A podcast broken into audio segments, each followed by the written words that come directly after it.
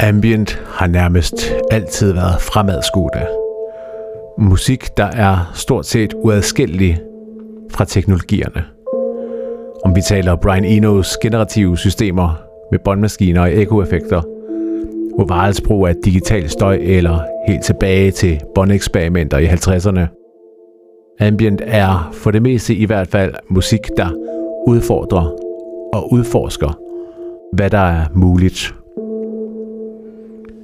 Derfor skal det her afsnit handle om ambient i dag. Velvidende, at inden vi har set os om, er i dag en fjern fortid. Og jeg skal våge mig til at kigge mod fremtiden. Velvidende, at jeg dermed har dømt mig selv til at tage fejl og lyde dum. Men det er også ok.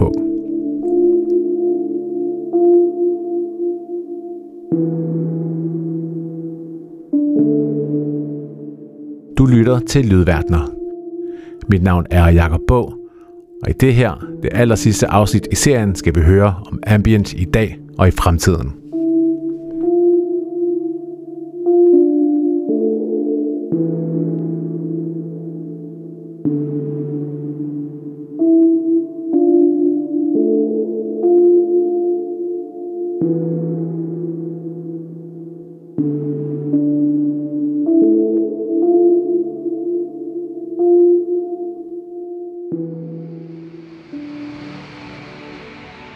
Så hvor er genren henne i dag? Det er jo altid svært at tolke på sin egen nutid og samtid. Men der er et par emner, jeg synes, man kan tage fat i. Helt generelt virker det til, at genren bliver mere og mere udbredt. Det kan selvfølgelig være min subjektive, ekstremt biased vurdering, men artikler i forskellige musikmedier virker til at give mig ret. Jeg ser det dels som en konsekvens af musikkens tilgængelighed jeg mærker en tendens til, at genre, der tidligere har været mere obskure, nu bliver mere og mere, hvis ikke almandseje, så i det mindste bare lidt mindre snævre. DJ's og andre musiknørder kan nu dele deres mix eller deres playliste og pludselig har alle adgang til, hvad der ellers var meget hemmelig lyttemusik. Du lytter eksempel til det her lige nu. Og så er ambient musik måske mere nødvendig end nogensinde.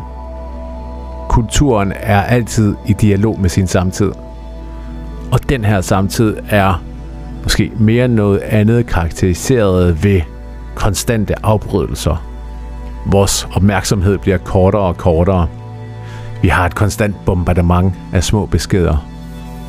Og så er modreaktionen selvfølgelig et behov for fokus, dyb og koncentreret lytning – plads til at dvæle ved detaljen. Det kan selvfølgelig være, at det bare er ønsketænkning fra min side, men på den anden side, igen, du lytter jo på måske 10. time til en podcast om den her genre. Og det er der nok en grund til.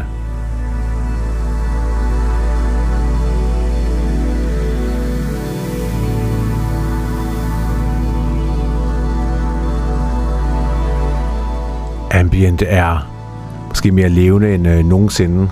Der er selvfølgelig musikere, komponister og producer i alle de genrer, jeg har nævnt i den her serie, der er aktuelle lige nu.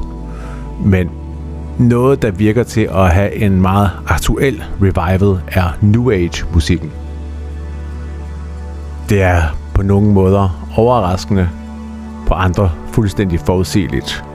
Kulturen går som bekendt i bølger, og noget af det, der sker, er, at med nok tid der får forskellige udtryk lov til at smide deres stigma. Billedet af sådan en lidt kultagtig helsebutik krystaltype hænger ikke så meget længere over New Age-musikken, som den måske gjorde for 10 eller 20 år siden. Det er ikke en aktuel kulturel reference.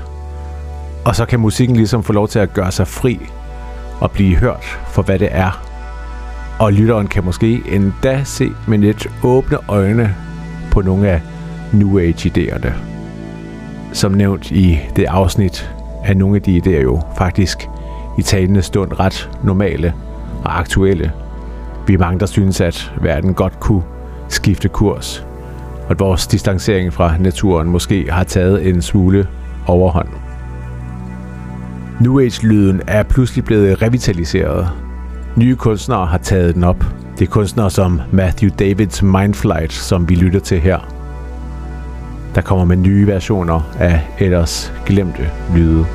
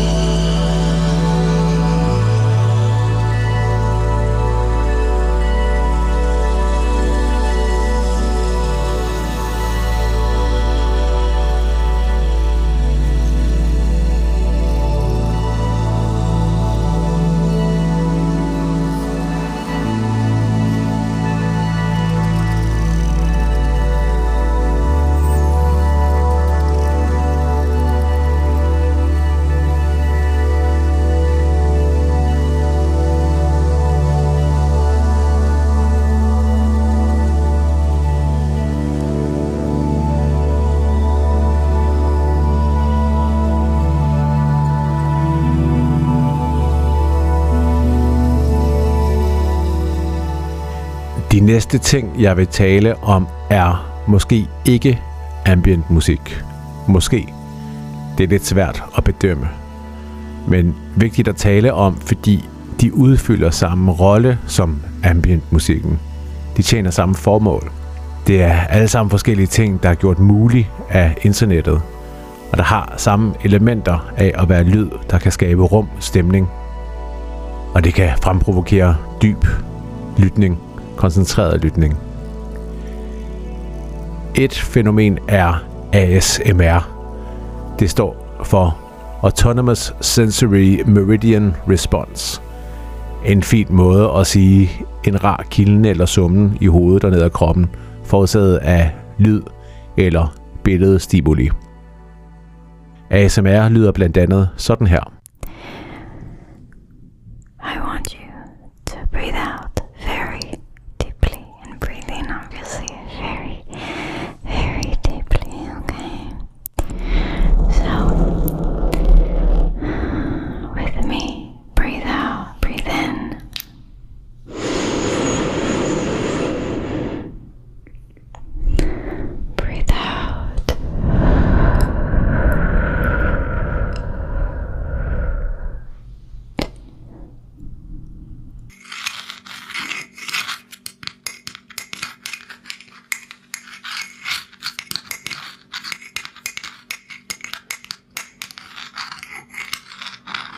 Lad mig lige gøre det helt klart. ASMR er åndssvagt, og det er ikke ambient musik. Her finder det påfaldende, at de største ASMR-profiler for det meste er smukke, unge kvinder.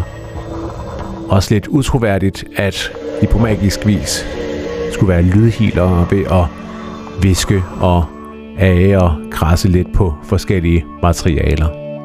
Hvorfor taler jeg så overhovedet om ASMR? Det er fordi, det alligevel på nogle måder udfylder samme rum, tjener samme formål som ambient musik. Og så er det et fænomen, der er næsten for stort til at blive ignoreret. De her ASMR-videoer får besvimende store seertal. Vi taler i millionerne. Hvad meget lidt ambient musik nogensinde har fået. Og den eneste konklusion må være, at hvis din unge fætter eller kusine at den slags fortæller dig om ASMR, så peger dem lige i retning af, at der altså findes noget, der gør nogle af de samme ting, men som ikke er utrolig åndssvagt, så tværtimod er rigtig fantastisk.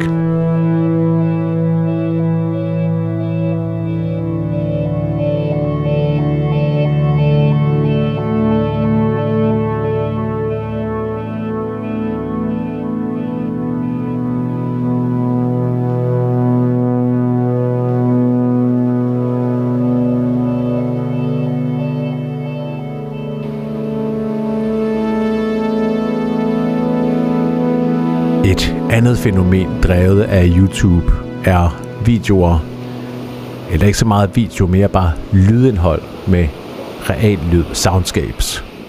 Det er videoer med timevis af lyde fra havet, eller skoven, snestorm og så meget andet.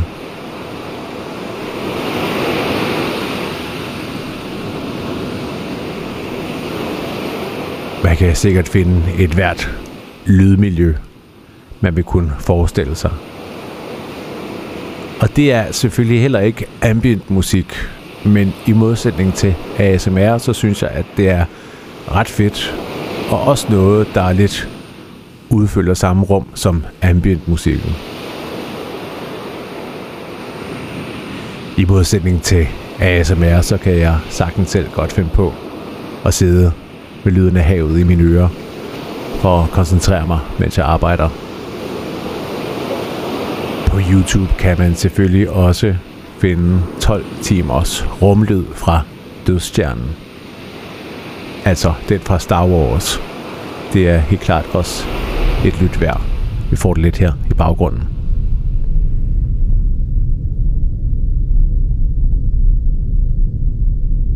Men altså igen, alle sammen lydoplevelser, der er ret nye fænomener, der kun eksisterer i kraft af internettet – og som egentlig ikke er ambient musik. Eller er det? Grænsen er meget, meget tynd visse steder, synes jeg. Det er nok de færreste, der sidder og lytter til rumstøj fra dødstjernen og synes, at det er musik. Men på den anden side er det også de færreste, der lytter til rumstøj fra din Hurley. Grænsen er meget, meget fin. Måske flydende måske ikke eksisterende.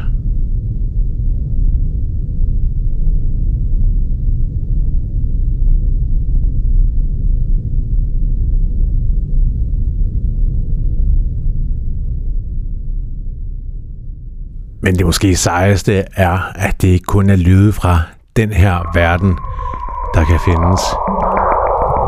NASA har offentliggjort lyde fra rummet Optagelser af solen, Jupiters magnetfelt, plasmabølger, radioemissioner fra Saturn. Måske et lille sidespor, men et lidt for sejt sidespor til ikke at gå ud på.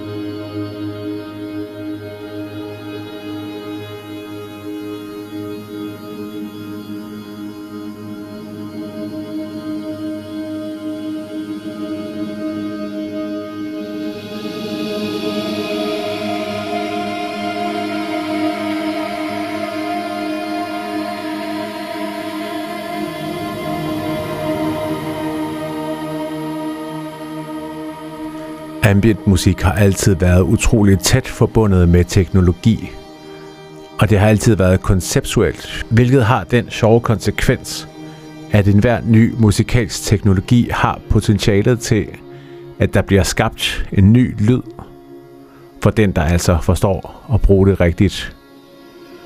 Et godt eksempel kom frem for små 10 år siden med et program, der kan strække lyd over tid. Altså gør lyd utrolig meget længere. Når man gør det, så bliver enhver lille lyd til en lydflade, til tekstur, og resultaterne kan være utroligt flotte. Det gik sådan lidt viralt med det, vi hører i baggrunden her. Det er Justin Biebers sang You Smile, bare 800% langsommere.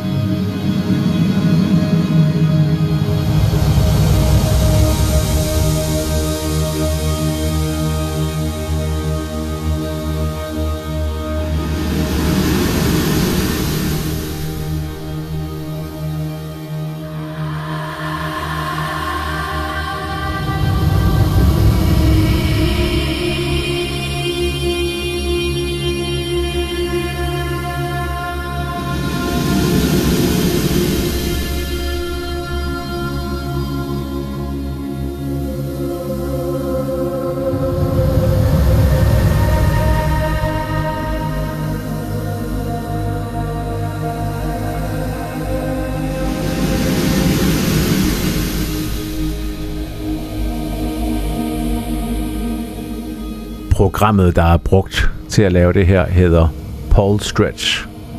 Det er et gratis program, så hver kan hente og lege med at strække forskellige lydkilder ud. Det er der rigtig mange mennesker, der har gjort. Så alt fra Radiohead til Måneskinsonaten og alt muligt andet kan selvfølgelig findes i 800% langsommere versioner.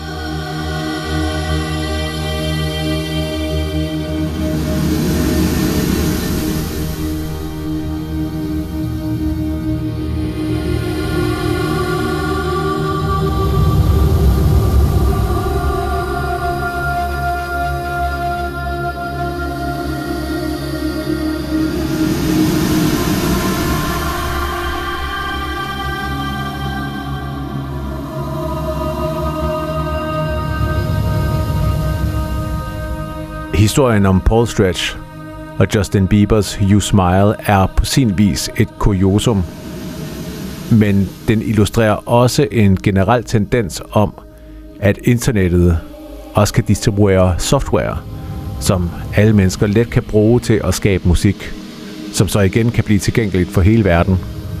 Det føles som en banal pointe, men det er lidt vildt at tænke på, hvor let det er at lave med de her gratis programmer som Paul Stretch, set i forhold til hvad Pierre Schaeffer måtte igennem for at arbejde med lyd. Og pointen er altså, at i dag kan en hobby-softwareudvikler lave et lydprogram i Paris, offentliggøre det på nettet. Et menneske i Atlanta kan downloade det, lege lidt med det og få et uventet resultat. Og uploade det til nettet, og næste dag er der 8 millioner, der kan have lyttet til det farver ny verden, og også ny verden for ambient musikken, som jo i høj grad er lydeksperimenter.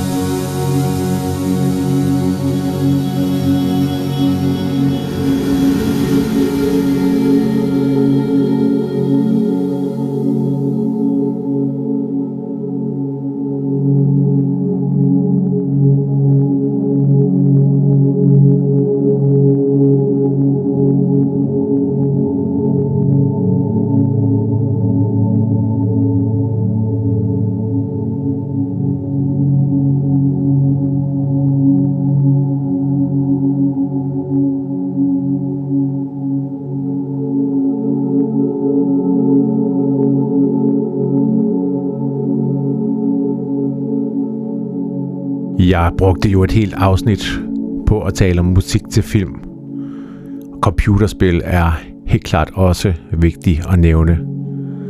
Spil skaber i måske endnu højere grad end film nye verdener. Lyden skal både skabe stemning og kommunikere nogle helt konkrete ting til spilleren. En af vores lokale elektroniske musikere, Søs Gunvor Ryberg, har lavet eminent lyd og musik til spillet Inside. Et spil, hvor lydsiden virkelig er en aktiv del af spillet, og ikke bare pynt. Men det lyder også fantastisk, når det står alene.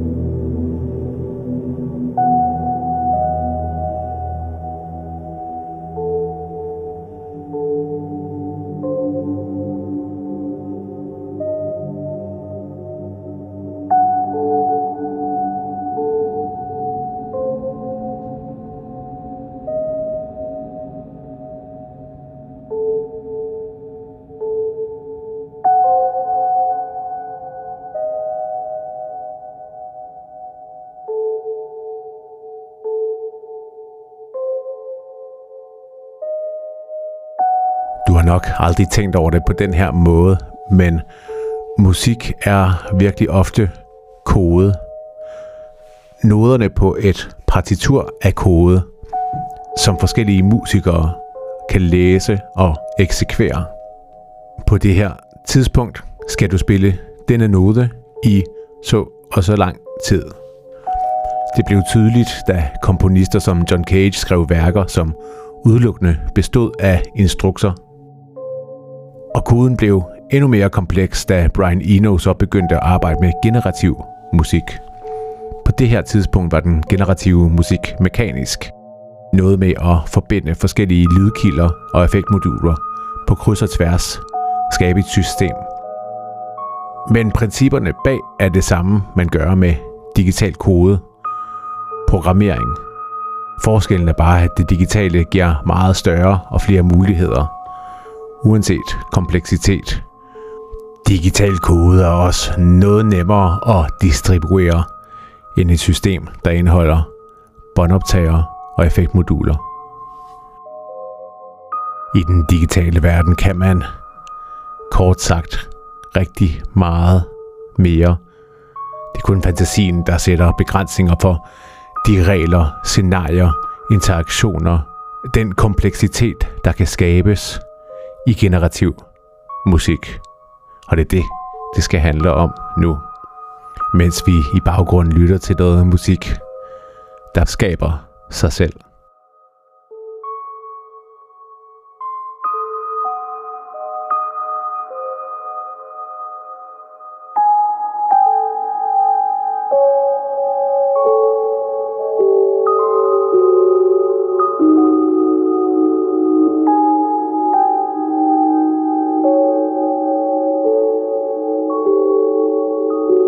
Hvad er generativ musik? Vi har været lidt inde på det før, men lad os lige afklare en lille smule mere. Generativ musik er at designe et system, hvor man kan trykke på start, og så kan musikken spille sig selv. Det vil sige, at musikken bliver ikke bare afspillet på en fast måde. Musikken er åben for, at der kan ske forskellige ting, og dermed vil den være forskellig hver gang og den kan i princippet spille for evigt, uden at der nogensinde sker det samme igen forfra. Det vil altså sige, at i stedet for at have en helt fast definition af, hvordan musikken skal lyde, hvad der skal ske, hvornår, så designer man et udfaldsrum. Hvis vi tager metaforen med lydverdener, så er generativ musik som at designe en verden, og så slippe den fri og se, hvordan tingene udspiller sig. Forestil dig en kæmpe dominobane, du har stillet op. Når du skubber den første, så startes en kædereaktion, der også laver en lyd. Det er på sin vis generativ musik, men det er ret kedeligt, for der sker stort set det samme hver gang. Forestil dig så, at du introducerer noget tilfældighed og variation.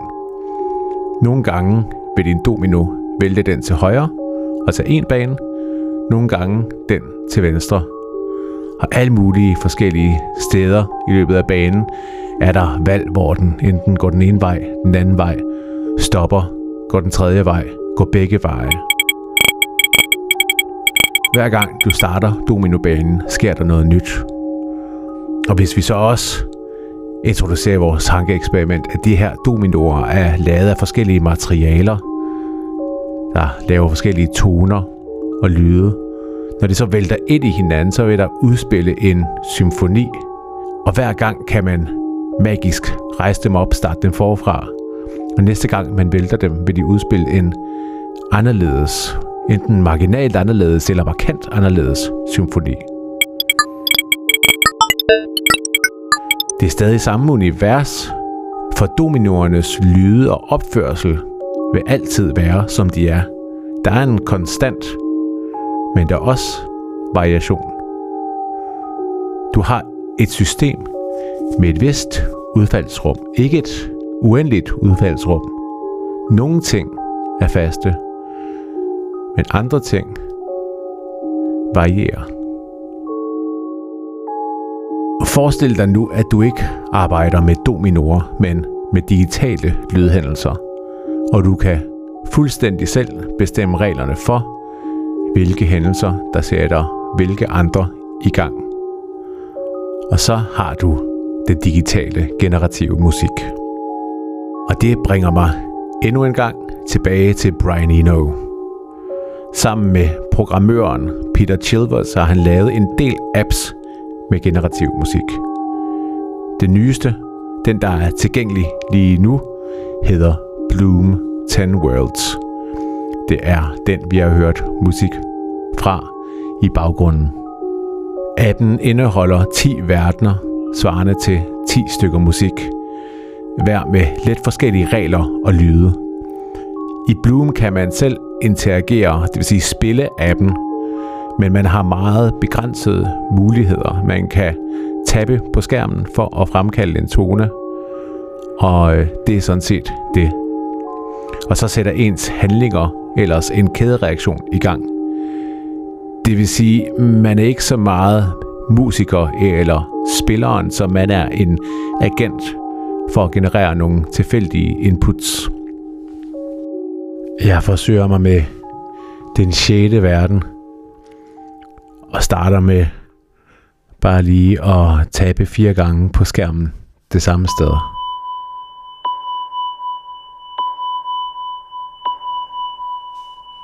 Så ser vi, hvad det får ud af det. Virker til, at de fire tabs bliver gentaget, men de skifter hver især tone, så der kommer nogle forskellige små melodier.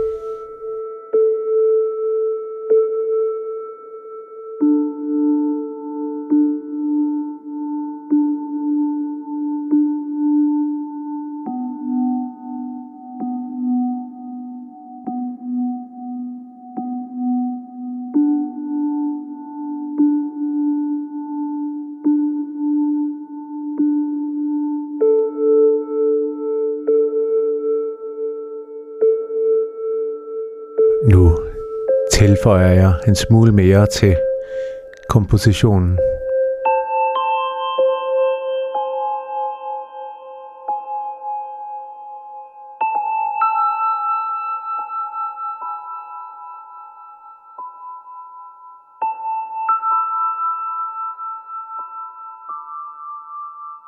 Det er lidt som sådan nogle komplekse vindklokker, Ironisk nok så kalder man vindklokker for det oprindelige generative musik. Du hænger sådan nogle klokker op, og så er det vinden og vindens tilfældighed, der styrer, hvordan de spiller. Og når de slår mod hinanden, så bliver der både skabt en lyd, men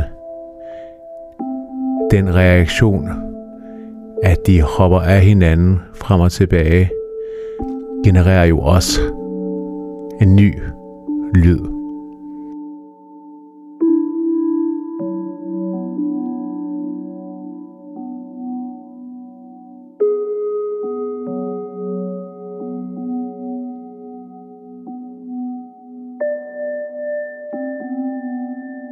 Og hvis man kigger på appen, så kan man se der, hvor jeg har rørt den, der bliver der dannet sådan nogle cirkler, ligesom ringe i vandet. De bliver større og større, og man kan se, hvordan de bevæger sig rundt, og også rammer hinanden, ligesom ringe i vandet.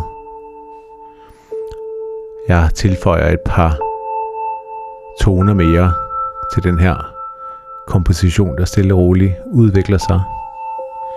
Prøv at se, om jeg kan lave nogle lavfrekvente lyde ved at røre ved bunden af skærmen.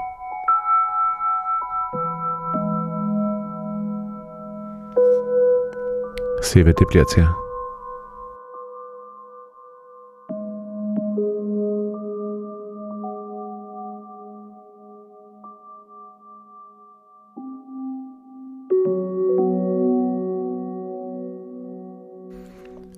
man oplever, når man leger med eller spiller på den her app,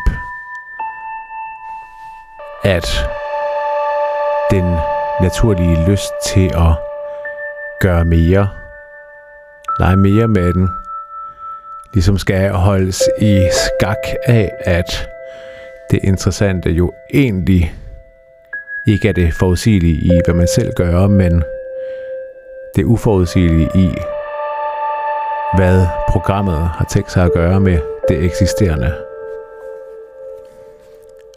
Som vidt jeg har forstået, er det også et bevidst designvalg. En meget sjov øvelse i tilbageholdenhed, i minimalisme, This is more.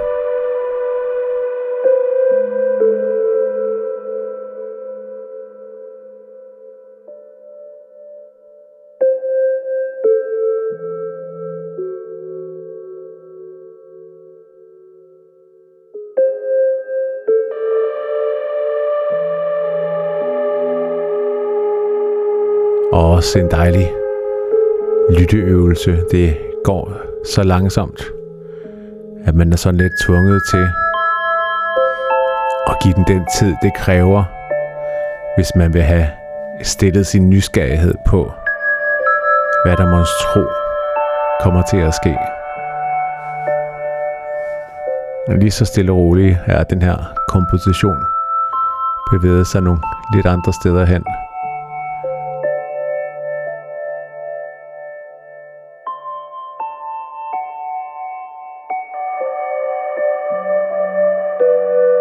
Jeg tror, jeg efterlader den her komposition lige her.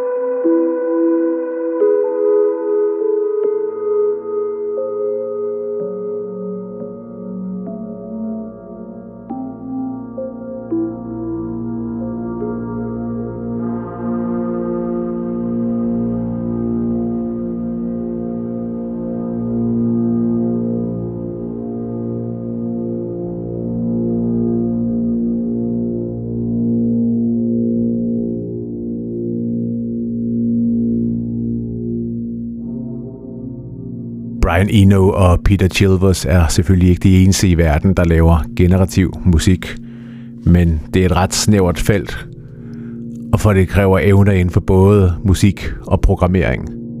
En af de få andre, jeg har fundet, der laver generativ musik, Alex Painter, har en række tracks eller programmer.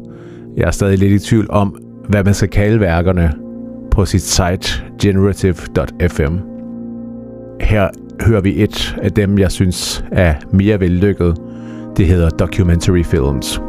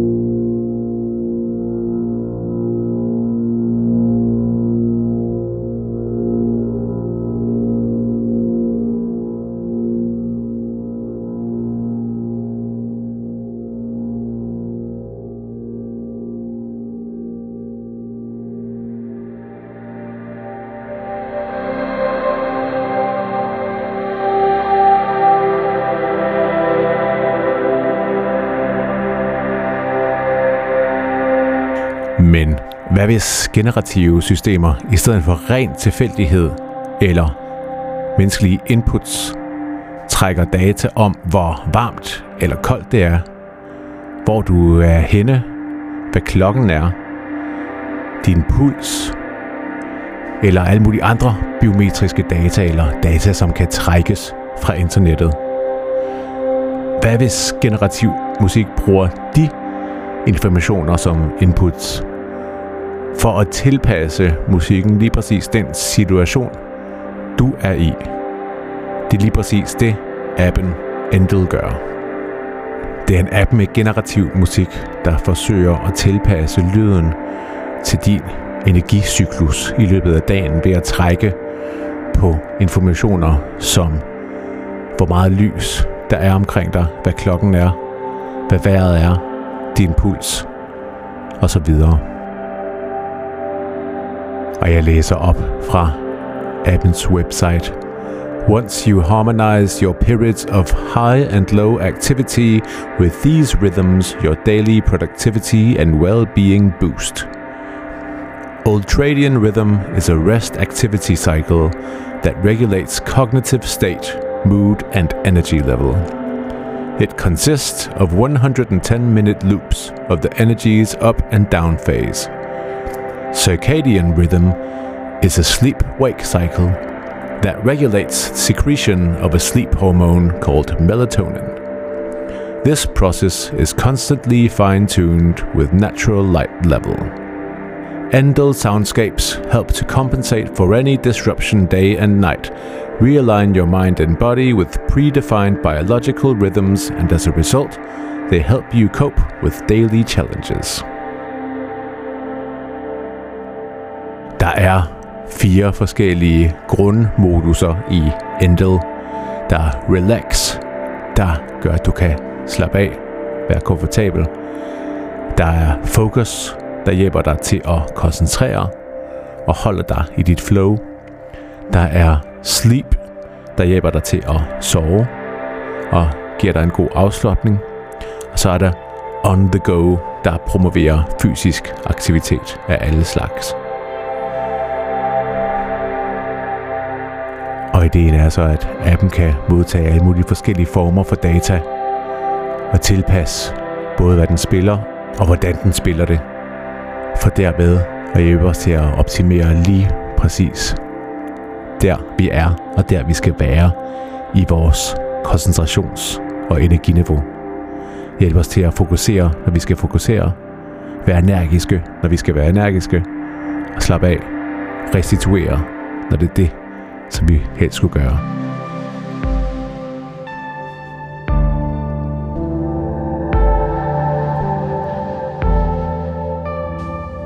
Som en blanding mellem idéerne bag New Age musik og sådan noget life tech og generativ musik. Jeg ved personligt ikke, om det virker. Jeg er ikke selv interesseret i at give en app den data, det kræver, og fungerer helt perfekt. Og jeg er i øvrigt heller ikke selv interesseret i den form for selvoptimering. Men rent teknologisk synes jeg, at tanken er interessant. Rent kunstnerisk måske lidt mindre, men så igen er det her måske mindre musik som kunst og mere funktionel musik.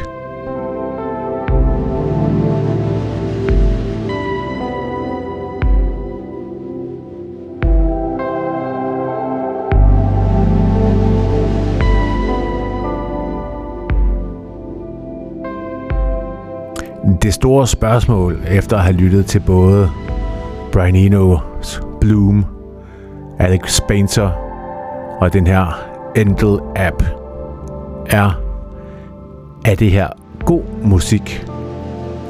Det er selvfølgelig rart. Klangmæssigt fungerer det. Der er ikke noget, der stikker ud. Og der sker nogle gange nogle interessante harmoniske og rytmiske ting.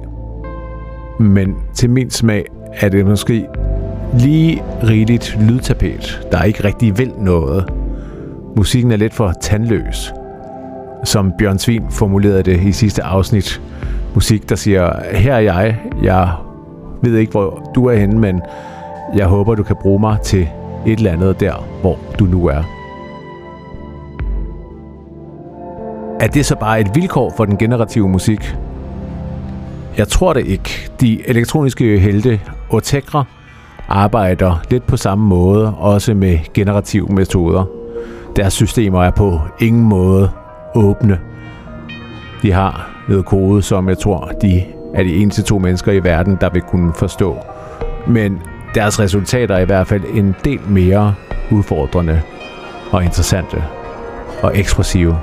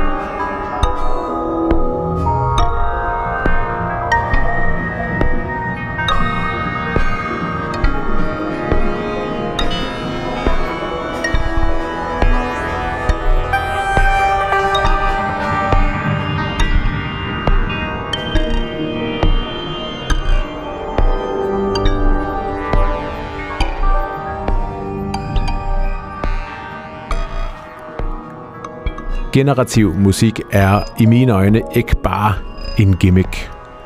Jo mere man tænker over det, desto mere absurd virker det, at vi i så lang tid har lyttet til identiske reproduktioner igen og igen. Især når man tænker på et sted som en restaurant. Jeg kan huske, hvor vanvittigt jeg selv kunne blive, da jeg som ung tjener skulle lytte til den samme CD igen og igen hver eneste aften. I dag har man måske en playliste på 5 timer, men det vil stadig være den samme aften efter aften. Med generativ musik har du musik, der er nyt hver gang, men stadig let det samme. Hvilket især giver mening til restauranter, receptioner eller måske endda lufthavne.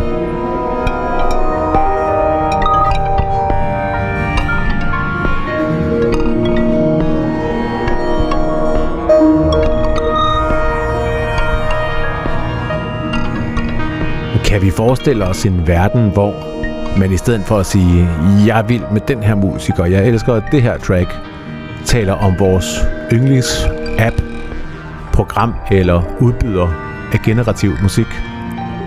Hvorfor ikke? Det sagt, så mener jeg på ingen måde, at den færdige komposition er død. Ideen om generativ musik er rigtig fin, men en musiker eller en komponist med nogle helt konkrete musikalske idéer, de gerne vil have os til at høre, det er faktisk også stadig virkelig, virkelig fedt. Men heldigvis udelukker det ene jo heller ikke det andet.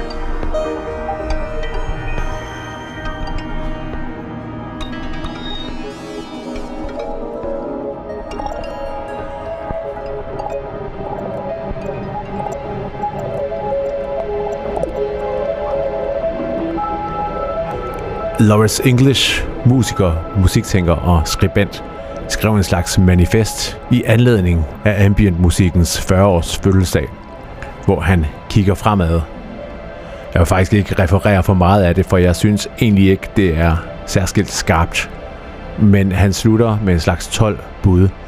12 Notes to a Future Ambient, hvor den sidste lyder Ambient is never finished. It's an experiential process of becoming.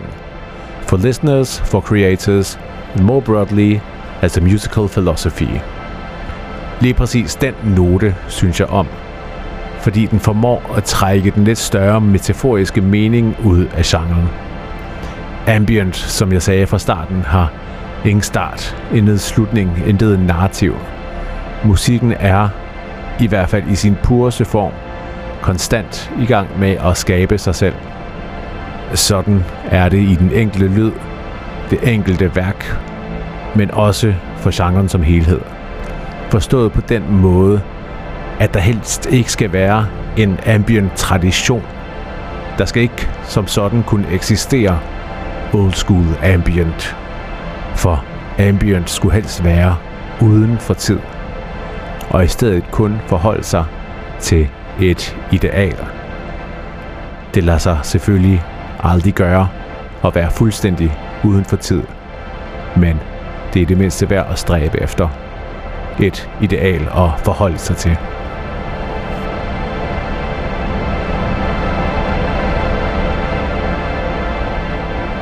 På sådan et sidste afsnit her vil man måske prøve at runde af, lave nogle konklusioner på det hele, skabe mening.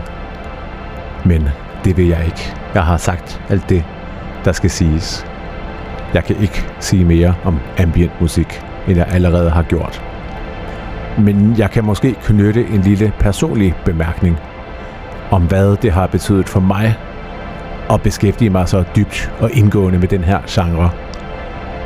Det har givet en skærpet sans for lytning og en mere åben værdsættelse af lyd ambientmusikken har skærpet mine sanser for, at også havet er musik, eller for poesien i at kunne høre fuglene synge, når man laver telefoninterview med Bjørn Svin.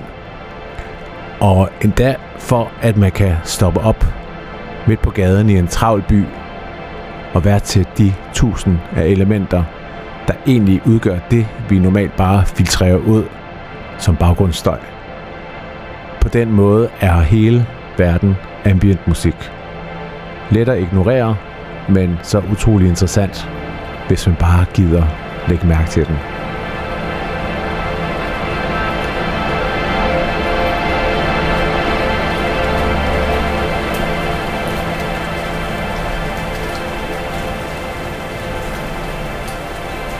Du har lyttet til det aller sidste afsnit af Lydverdener. Mit navn er Jakob Bog. Tak til dig, fordi du lytter.